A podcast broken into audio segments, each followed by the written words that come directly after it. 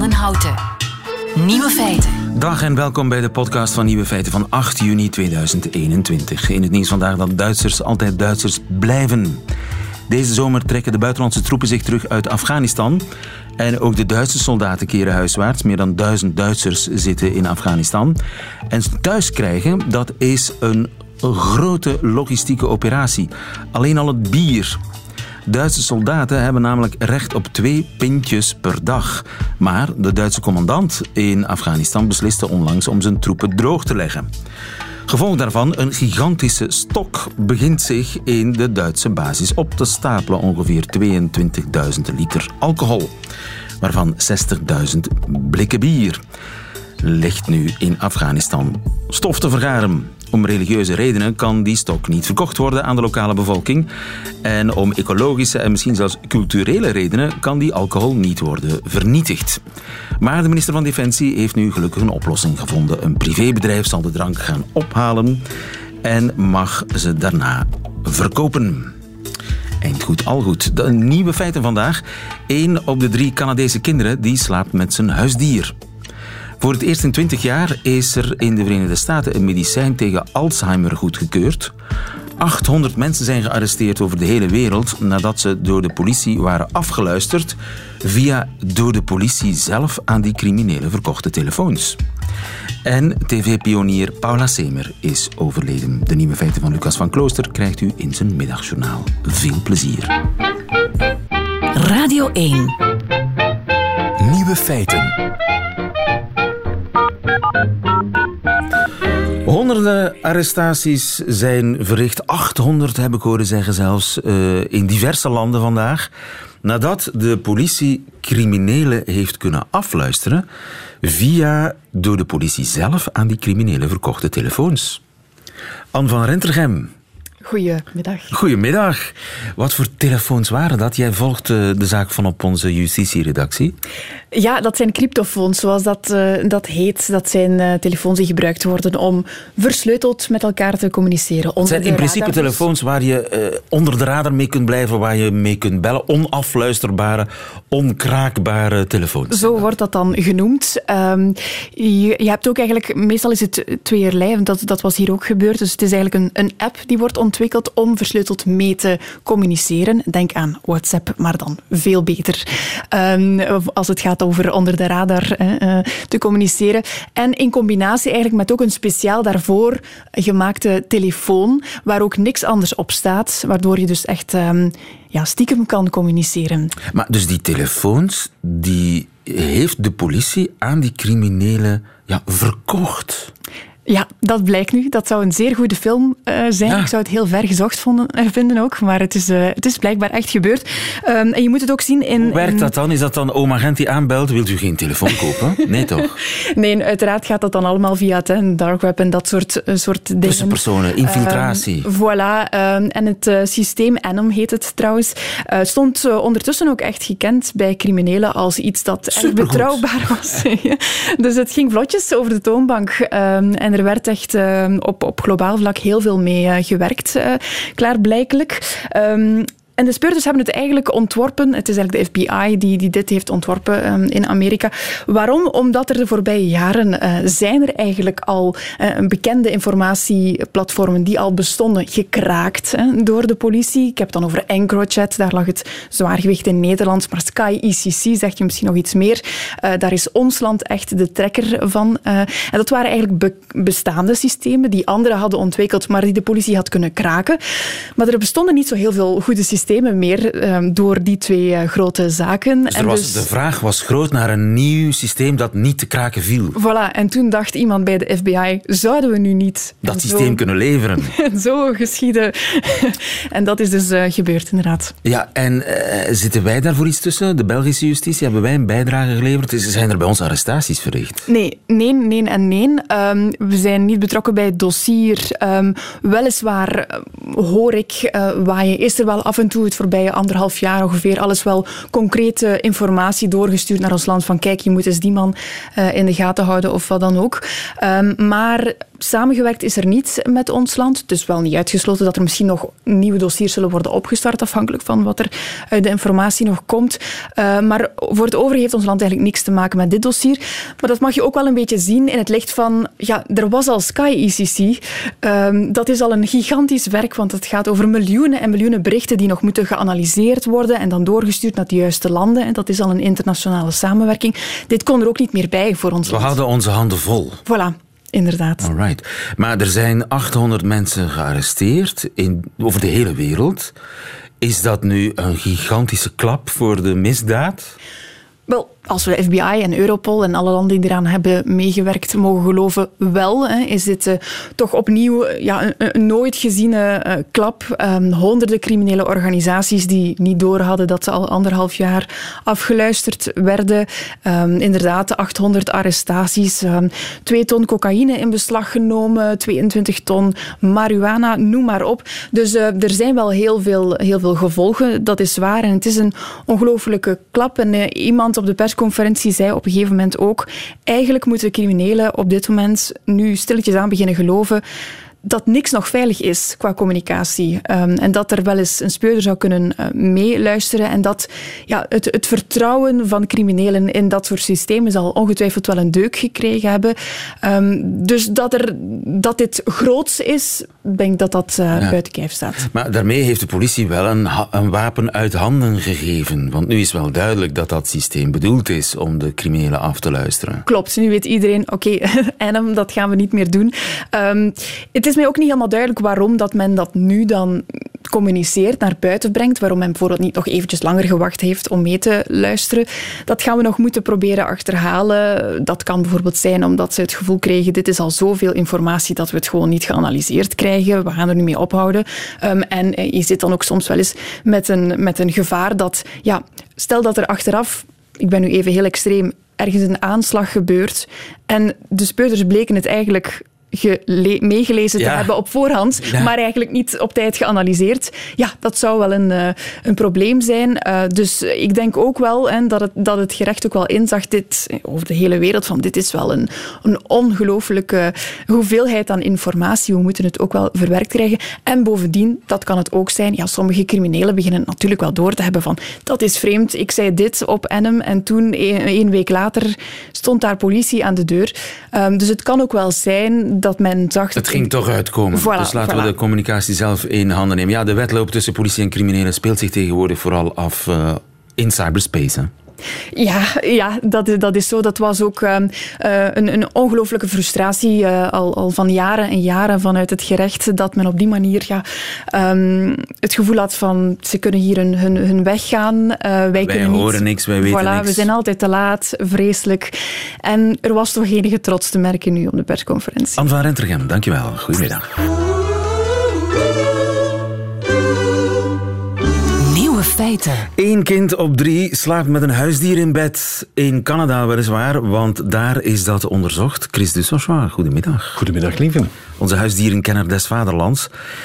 Ik schrik daarvan. Eén op drie kinderen ja. Oké, okay, het is Canada, misschien is het bij ons minder, maar het is toch veel, hè? Ja, en uh, wat nog opvallender is, uh, is dat um, van huisgezinnen met kinderen, die hebben in drie vierde van de gevallen een huisdier.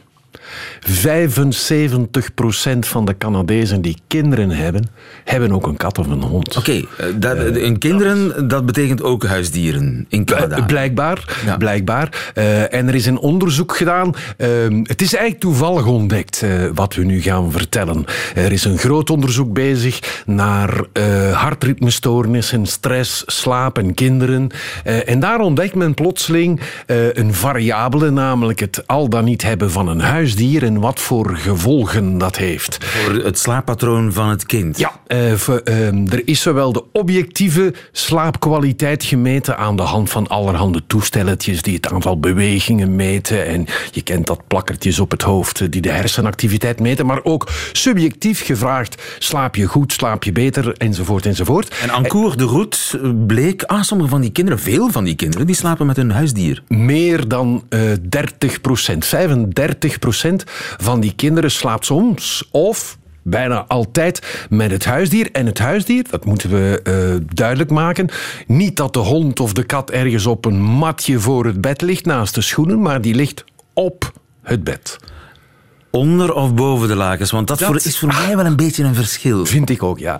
Vind ik eigenlijk ook. Dus, maar dat, dat verschil wordt niet gemaakt? Dat verschil wordt niet gemaakt. En wat heel opvallend is, uh, ja, in de volksmond en ook in de volksgedachten is het bij de hond of de kat slapen vies. Het spreekwoord zegt slaap bij de hond en vangt zijn vlooien. Iets wat totaal niet klopt, want vlooien, uh, hondenvlooien zijn niet geïnteresseerd in uh, mensenhaar en mensenhuid. Um, is het ook vies? Maar nee. Uh, en wat zeker is, is dat het de kwaliteit van de slaap objectief niet beïnvloedt. Ah ja, want dat nog... waren ze aan het onderzoeken, de kwaliteit van de slaap. Uh, en dus nog in positieve, nog in negatieve zin. Wat ik een beetje, uh, toch ook een beetje verwonderlijk vind. Want vooral katten die hebben toch een beetje een ander dag-nachtritme dan kinderen. Die zijn s'nachts actiever uh, als de kindertjes moeten dus die slapen. niet liggen. Maar blijkbaar heeft dat geen enkele invloed op eh, de slaap van de kinderen. En als kinderen subjectief hun slaap mogen beoordelen, dan zeggen ze: Ik slaap veel beter bij de hond of bij de kat. Dus zelf zijn ze ervan overtuigd dat ze beter slapen als hond of kat eh, in, in, of op bed uh, ligt.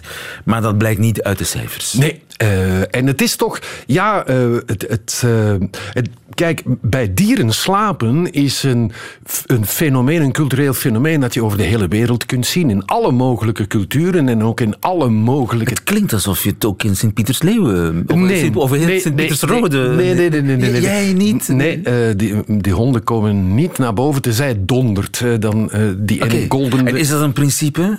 Dat is eigenlijk een principe, ja. Ik vind dat honden beneden moeten blijven slapen. En ik slaap graag uh, uh, in mijn slaapkamer, al dan niet met een partner, maar uh, geen hond. Ja. En al zeker niet op het bed. Maar het blijkt dat heel veel mensen het wel doen, wereldwijd. Hangt daar nog een beetje een taboe rond? Natuurlijk, uh, omdat inderdaad mensen denken van ja, maar dat is niet gezond. Hè? Uh, de parasieten, vlooien kun je ervan krijgen. Of god weet, je krijgt er astma van. Terwijl eerdere onderzoeken en onderzoeken op heel uitgebreide groepen kinderen hebben aangetoond dat kinderen die opgroeien in een huisgezin met een kat of een hond net veel minder kans hebben om astma te laten ontwikkelen bijvoorbeeld. Of allergieën te laten ontwikkelen. Het doet mij denken uh, aan de tijd toen mijn dochter nog in haar kruippakje over de vloer bij mij thuis rondkroop en uh, af en toe eens een hondenhaartje aan de lip had of aan dat kruippakje. En toen kwam er een collega van ons, een vrouw, wiens naam we niet zullen noemen, die nog bij Studio Brussel werkte en zei van hoe durft je? Zo vies. En dat kind, en dat zal ziek worden. Nee, ze heeft helemaal geen enkele... Een afweersysteem van heb ik jou daar gekweekt? Natuurlijk, natuurlijk. ja. maar het, het goede nogmaals is, is, is dat dit onderzoek aantoont dat dus wat mensen wel eens durven denken, dat uh, honden of katten een negatieve invloed hebben op de slaapkwaliteit van kinderen, uh, dat dat uh, helemaal niet klopt. En dat mensen die vinden dat ze bij de hond mogen slapen, dat ze dat vooral rustig verder moeten doen. Dus het taboe is nergens voor nodig? Nee. Het, het, het mag eigenlijk gewoon? Het mag. Het is, het is nog positief, nog negatief. En tenzij in de beleving van die kinderen... Want we hebben nu over kinderen, maar ook volwassenen. Ook dat, ook dat, dat is hè? onderzocht. En daar, daar, liggen de, daar liggen de resultaten een beetje anders. Ze zijn niet onderzocht in het kader van dit onderzoek, voor, uh, voor alle duidelijkheid. Maar daaruit is gebleken dat vrouwen beter slapen bij de hond dan bij een man of bij een kat. Kijk. Alsjeblieft. Dat, dat, dat, nieuws moet toch even doordringen, denk ik, bij mij en bij vele ja. anderen. Dus een kat of een man, geen verschil. Kat, wat zeg ik, man of hond? Hond beter. Hond beter, ja. Slaapkwaliteitsgewijs natuurlijk. Slaapkwaliteitsgewijs. En het doet mij, dat hele verhaal doet mij denken... Uh, ken je het bandje Three Dog Night? Zeg mij vaak. Ja, vaak, Mama Told Me Not To Come was een hitje van Three Dog Night. En die groepsnaam die verwijst, die verwijst naar dat... ja, naar dat Three Dogs Night. Ja, wel, dat, dat is een Australische uitdrukking van de Aboriginals. het kan daar bitter koud zijn in Australië s'nachts. als het koud is, kun je je opwarmen aan één hond.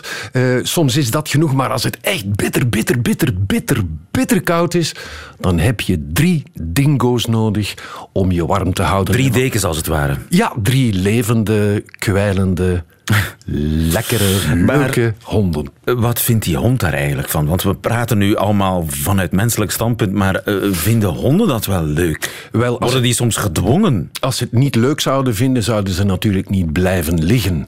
Uh, en er zijn natuurlijk ook probleemgevallen lieven waarin de hond zichzelf opdringt. Uh, en er is een geval beschreven, er zijn, er zijn wel wat literatuurstudies over het slapen met dieren beschreven. En in, de literatuur, in één literatuurstudie kwam bijvoorbeeld een man aan het woord die het toch wel een beetje sneu vond uh, dat hij de liefde moest bedrijven met zijn vrouw terwijl de hond mee op het bed lag. Ja. Dat snap ik helemaal. Als je al uh, met een mens in bed ligt, kan Bobby er nog bij? Dat is natuurlijk een, uh, een vraag waar veel koppels ja, over ruzien. Ja, en het hangt een beetje af van de omvang van Bobby natuurlijk. Als, als Bobby een, een chihuahua is, dan kan hij wel even rustig op het, op het hoofdkussen liggen maar als Bobby een Ierse wolfshond is, dan, dan, heb, dan heb je een groter bed nodig. Dankjewel, Chris Dusselsma. Radio 1. Nieuwe feiten. Voor het eerst in 20 jaar is er in de Verenigde Staten een nieuw medicijn goedgekeurd tegen de ziekte van Alzheimer. Sebastiaan Engelborgs, goedemiddag. Goedemiddag, meneer Van den Houten. Je mag liever zeggen hoor, als ik Sebastiaan mag doen bij jou. Mag zeker. Uh, je bent neuroloog in het Universitair Ziekenhuis van Brussel aan de VUB. Is het een pil of een spuitje? Het is een uh, infuus. Um, een infuus dat maandelijks moet worden toegediend met antistoffen tegen een van de eiwitten die neerslaan in het brein uh, bij de ziekte van Alzheimer, het amyloïde-eiwit. En het kan het, uh, een groot deel van het amyloïde-eiwit, die dus plakjes vormt in het brein bij Alzheimer, wegwassen. Aha. En het verrassende van dit medicijn is dat het de achteruitgang van de ziekte van het geheugen kan remmen. Um, dat is enerzijds heel hoopgevend. Anderzijds ook wel wat teleurstellend, want we hadden gehoopt dat het effect een sterker, of dat het medicijn een sterker effect zou hebben. Eh, maar het remt wel degelijk toch wel de, de ziekte-evolutie eh, bij patiënten met een ziekte van Alzheimer. En is dat het eerste medicijn dat helpt om die eiwitplakken in de hersenen van een patiënt eh, op te ruimen? Het is het eerste medicijn dat kan aantonen dat het ook de ziekte-evolutie remt. Er zijn in het recente verleden meerdere medicijnen getest die hetzelfde effect hadden op die eiwitkluwens in het uh, brein, maar die niet konden aantonen dat ze ook de ziekte-evolutie konden vertragen. En dat doet dit medicijn kennelijk wel. Ja, want we hebben daar nog niet alle mysteriën van doorgrond hè, van de ziekte van Alzheimer, want uh, die eiwitplakkers die doen iets, maar of dat de enige schuldige is, dat weten we eigenlijk nog niet. Correct. En dus het amyloïde-eiwit is eigenlijk het eerste waarneembare dat er gebeurt in het brein bij een ziekte van Alzheimer. Die eerste eiwitplakjes die ontstaan 10 tot 20 jaar voor de eerste ziektesymptomen. En we hadden altijd gedacht van, zodat het eerste event, dat eerste, die eerste gebeurtenis, die eerste dominosteen die valt tegenhouden, dan stoppen we Alzheimer. Maar dus dat blijkt niet zo te zijn. En dus de ziekte van Alzheimer is complexer dan dat. Ja. En we hebben dus nog veel meer onderzoek nodig om, om de ziekte echt te doorgronden. Ja, want er zijn ook mensen die die eiwitplakken hebben die geen ziekte van Alzheimer hebben. Ja, daar is de veronderstelling dat die mensen, als ze oud genoeg worden, wel symptomen gaan krijgen. En we weten dat die eerste eiwitplakjes optreden 10 tot 20 jaar voor de eerste ziektesymptomen. Als je op je tachtigste die eerste eiwitplakjes ontwikkelt, ja, dan bestaat de kans dat je uiteraard in je leven nooit symptomen van de ziekte van Alzheimer gaat krijgen. Uiteraard. Nu, uh, die, dat nieuwe infuus, dat nieuwe medicijn, zal dat een groot verschil maken? Dat is zeer de vraag. Dus de FDA heeft ehm, de registratie van dit medicijn wel goedgekeurd na een versnelde procedure, maar tegelijkertijd vragen zij extra resultaten, extra onderzoeksgegevens en ze houden een slag om de arm. En in termen dat als uh, die nieuwe onderzoeksgegevens tegen zouden vallen, dat ze de registratie van het product nog kunnen intrekken. Um, het is op dit moment nog wachten wat het Europees Geneesmiddelenagentschap gaat doen. Het dossier is daar ook ingediend, uh, maar het is niet omdat dat de FDA een, een positief advies geeft dat Europa gaat volgen. Dus dat is nog even afwachten. En als Europa niet volgt, betekent dan dat het medicijn bij ons niet op de markt komt? Um, waarschijnlijk gaan er dan extra studies nodig zijn om extra gegevens te verzamelen naar werkingen en ook nevenwerkingen van het product. Um, sowieso is dat ook het advies dat de FDA geeft, ondanks het feit dat ze wel een positief uh, advies, eindadvies geven. Ja, maar de kans bestaat dat het niet bij ons zal toegediend worden. Het wordt nu al toegediend onder de vorm van klinische studies. Um, maar uh, waar het hier om gaat is, mogen we ook gewoon medicijnen, mogen we ook gewoon personen met de ziekte van Alzheimer behandelen buiten studieverband. En dat is, uh, die uitkomst is nog niet zeker.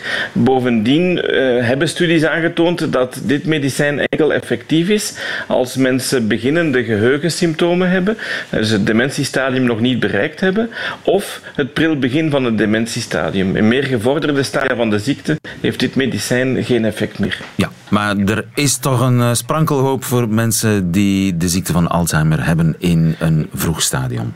Sowieso is dit een heel hoopgevend bericht, omdat dit het eerste medicijn is sinds 2003 dat wordt goedgekeurd. En het is het eerste medicijn dat echt inwerkt op de biologie van de ziekte en niet alleen maar de symptomen bestrijdt. Dankjewel, Sebastiaan Engelborgs. Goedemiddag. Dank u wel, meneer Van den Houten. Goedemiddag. Feiten. Pas binnengelopen bericht. Paula Semer, tv-pionier, is overleden op 96-jarige leeftijd. Jode Poorter, goedemiddag. Uh, goedemiddag. Ja, het is natuurlijk niet zo'n goedemiddag met dit uh, nieuws. Uh, Zij ja. was al van gezegende leeftijd, dus echt een grote verrassing. Kun je dit niet noemen? Nee, en ze was nog um, de laatste jaren van haar leeftijd heel goed. Uh, ik heb haar niet vorige zomer, maar de, vorige, de zomer daarvoor. Want de afgelopen zomer was er een te grote hevigheid aan corona. En dat was te gevaarlijk voor haar. Ben ik haar nog thuis gaan opzoeken. En we, zijn, hebben toen een wandeling gemaakt van um, meer dan een kilometer naar haar favoriete club. Uh, een tennisclub waar ze ook een maaltijd serveren. En daar zijn we gaan lunchen en ze heeft die afstand heen en terug nog wandelend uh, gedaan. Dus dat is bij elkaar toch denk ik twee kilometer. Om te zeggen in wat voor uh, goede toestand ze nog was twee jaar geleden. En ik wou, want ik geloof zelfs dat het vandaag haar verjaardag is. En ik had de mentale beslissing genomen om haar in de loop van de dag nog iets te sturen, maar dat is overbodig gebleken. Ja, we hebben de vrouw zelf, Paula Semeren, een gesprek over haar leven. Onlangs ik ben aan mijn laatste bobijntje, mijn laatste filmbobijntje bezig. Hè? En dat, dat komt op zijn einde. En, maar ik ben getraind in het afscheid nemen. Als je zo oud bent zoals ik, valt de ene, de ene dierbare na de andere weg. En mensen die jonger zijn dan ik, ik ben daarin getraind. En ik denk dagelijks aan de dood. Maar niet treurig, want sommige mensen zeggen mij: Is dat nu niet treurig? Als je zo met de dood bezig bent, zeg nee, omdat ik het allemaal gehad heb. En omdat ik nooit iets betreur. En had ik maar dit en had ik maar dat gedaan en had ik maar zus, hoor ik andere mensen zeggen. En dan denk ik, nee, ik heb dat niet. Ja, Paula Semer, zoals we haar kennen, zeer nuchter, zeer ja. rationeel, zeer helder. Ja, en ook um, zeer bezig met de eindigheid van het leven en tegelijk ook met voortbestaan na die eindigheid. Het, uh, het belangrijkste onderwerp waar ze mij onderhouden heeft over die middag uh, twee jaar geleden was dat ze zo blij en gelukkig was dat er een film over haar, een film of een serie over haar leven en haar persoon uh, zou gemaakt worden. En ze was, dat was een vrouw, een scenariste en regisseur en die was bij haar gekomen met het scenario en met het hele verhaal. En En ze heeft dat begeleid. Ik geloof dat ze ook nog meegezocht heeft naar een actrice om haar in verschillende fases van haar leven uh, te vertolken.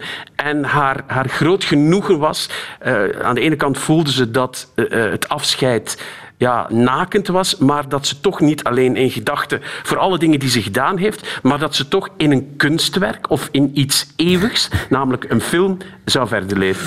Ja, eh, eh, een, een mooiere eer, een grotere eer bestaat er natuurlijk niet voor een televisiepionier, uh, wiens leven eigenlijk als een roman leest, want zij begon al, zij was er al van in het begin bij, hè, bij de televisie. Ja, ik geloof, er is, er is een historische discussie over, maar de, de eerste of de tweede avond, ze was actrice en ze heeft in een legendarie... Want die, in die dagen werden de dingen rechtstreeks uitgezonden. En ik geloof dat 13 dozijn Rode Rozen of iets van die strekking, een live televisiestuk op de eerste avond, dat zij daar als jonge actrice bij betrokken was. En daarna heeft ze eigenlijk alles wat je bij de televisie kan doen, heeft ze gedaan. Ze is eh, een jeugdheldin geweest aan de zijde van een onkel Bob. Ze heeft wetenschappelijke programma's gemaakt, vrouwenprogramma's gemaakt, gepresenteerd, geproduceerd, geregisseerd er is niets wat je niet kan benoemen in het, in het genre wat ze niet vaak met heel veel succes eh, bedreven heeft. En daarna, na die carrière, heeft ze ook nog een politieke carrière gehad. Want ze is eh, senator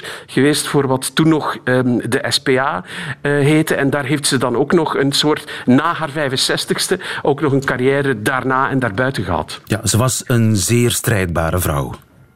Ja, ze was een zeer strijdbare vrouw.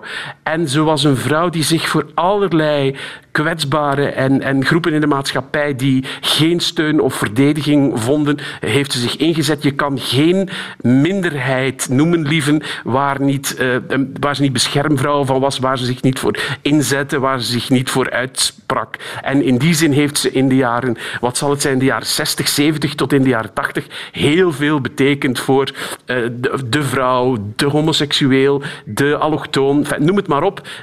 Als, je, als ze iets kon doen, dat was, dat was Paula daar. En in dat opzicht is het niet alleen een, een heel goede eh, televisiepresentatrice, een heel, een, een heel belangrijk televisiefiguur, maar ook op maatschappelijk vlak heeft ze zeer veel uh, betekend. Ja. Er zijn heel veel stenen en bakens gezet uh, door Paula zelf, die maakt dat ons leven vandaag prettiger, rechtvaardiger en eerlijker is geworden. Ja, inderdaad. Een, een mens denkt soms, niemand is onvervangbaar, maar wat bepaalde individuen, individuen doen, dat heeft wel degelijk een enorme invloed op de maatschappij. Ja, en wat ik van haar uit die vele gesprekken die we uh, aan het einde van een carrière en na haar televisiecarrière gehad heb, is dat um, als je erop terugkijkt en je leest wat ze allemaal gedaan heeft voor de vrouwenbeweging, voor de vrouwenemancipatie bijvoorbeeld, dat dat allemaal niet zo in die tijd en met de hiërarchie bij de VRT waaronder en waarmee ze moest werken, dat het allemaal niet zo evident was en dat daar echt heroïsche veldslagen geleverd zijn om een programma uitgezonden te krijgen wat dan weer tegengehouden werd en waar ze dan toch weer voor de sporen ging liggen en al haar macht en gewicht gebruikte om dat toch gedaan te krijgen. Dus als je, als je daarop terugkijkt, dan denk je wat zeer goed gedaan, maar je weet maar, ik denk een kwart van de strijd uh, die ze daar heeft moeten leveren. En ik hoop dat die film waar ze over sprak en die in de maak zou moeten zijn, daar uh, een licht op laat schijnen, op, om, wat ons kan laten zien wat haar echte, hoe zwaar en hoe groot haar echte strijd geweest is. Ja, Penelope, hè, dat was haar grote grote wapenfeit. Het programma dat liep tussen 1955 en 1965. Een praatprogramma waarin allerlei toen zeer heikele thema's aan bod kwamen. En waarin uh, Paula Semer zich ontpopte als de voorvechter van gelijke rechten voor man en vrouw. Onder meer. En allerlei minder bedeelde groepen of toen achtergestelde groepen. Dat ze zich daarvoor inzetten. Paula Semer, 96 is ze geworden. Het is haar verjaardag niet vandaag. Maar uh, in april geloof ik verjaart ze 96. Is ze, is ze tevreden gestorven, denk je? Um, ze, was, ze, woonde heel, ze woonde aan de rand van Brussel uh, in een heel mooi, uh, groot, ruim, luxueus appartement. Ze had een, een studeerkamer die een soort van cockpit van een vliegtuig was, waar de laatste Apples en dus was met, met iedere laatste trend was ze mee. Maar ik had de indruk, en dat heeft mij de laatste keer wel wat aangegrepen, dat um, ze had een kleine familie en dat het contact en, en de innigheid met alle leden van die familie naar het einde toe niet was wat zij gewenst had. En dat ze eigenlijk niet van iedereen op dezelfde liefdevolle manier heeft kunnen afscheid nemen, was ik een beetje bang voor. Ja, het is dus een uh, helder leven met toch een paar uh, schaduwkanten.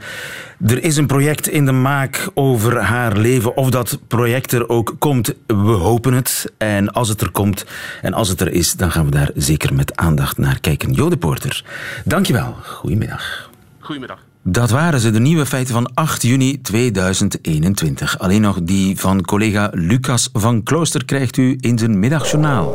Nieuwe feiten. Middagjournaal. Waarde luisteraar. Sinds ik met pensioen ging, ben ik coronavrijwilliger en vaccitaxichauffeur. Gemiddeld eens per week, er zijn echt wel vrijwilligers genoeg, rijd ik minder mobiele oudere mensen naar het vaccinatiebolwerk.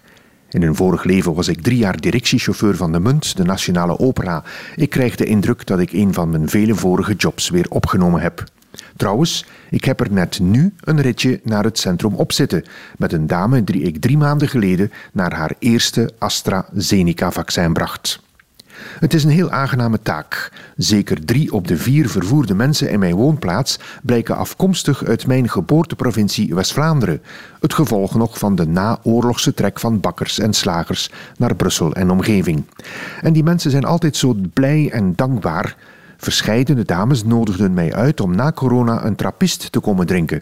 En soms moet ik resoluut een fooi afslaan met het argument dat ze via de belastingen al betaald hebben voor mijn riante ambtenarenpensioen. Zoals overal is ook ons vaccinatiebolwerk uitstekend georganiseerd. Iedereen is er behulpzaam en supervriendelijk. En dat allemaal gratis. Ik herhaal, helemaal voor niets. Dank federale overheid, sociale zekerheid en steengoede Belgische volksgezondheidszorg.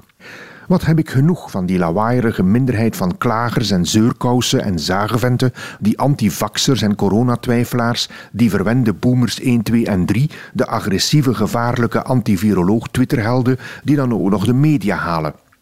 Als ik die grote tevredenheid bij echte mensen vaststel, vraag ik mij af hoe het kan dat er blijkens de laatste opiniepeilingen schijnbaar toch wel enkele Vlamingen overwegen te stemmen voor partijen die tegenover corona op zijn minst een erg wankelmoedige, dubbelzinnige houding vertonen. Soms ga ik wandelen met niet meer goed te been zijnde dames.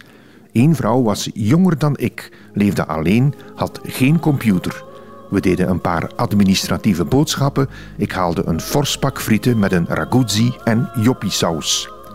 Een andere dame, geboren voor de Tweede Wereldoorlog, wilde graag op de begraafplaats het graf van haar jong gestorven kleinkind groeten. Zo kon ik haar de laatste rustplek van mijn zoon tonen. Drie generaties verenigd in verdriet en herinneringen. Morgen zijn er allerlei versoepelingen. Hoera!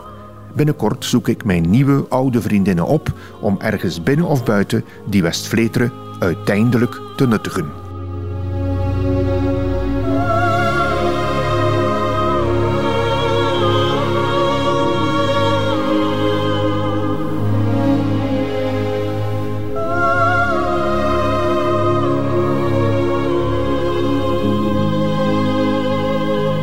Middagjournaal met Lucas van Klooster. Einde van deze podcast. Hoort u liever de volledige nieuwe feiten met de muziek erbij? Dat kan natuurlijk via radio1.be of via de Radio 1 app. Tot een volgende keer.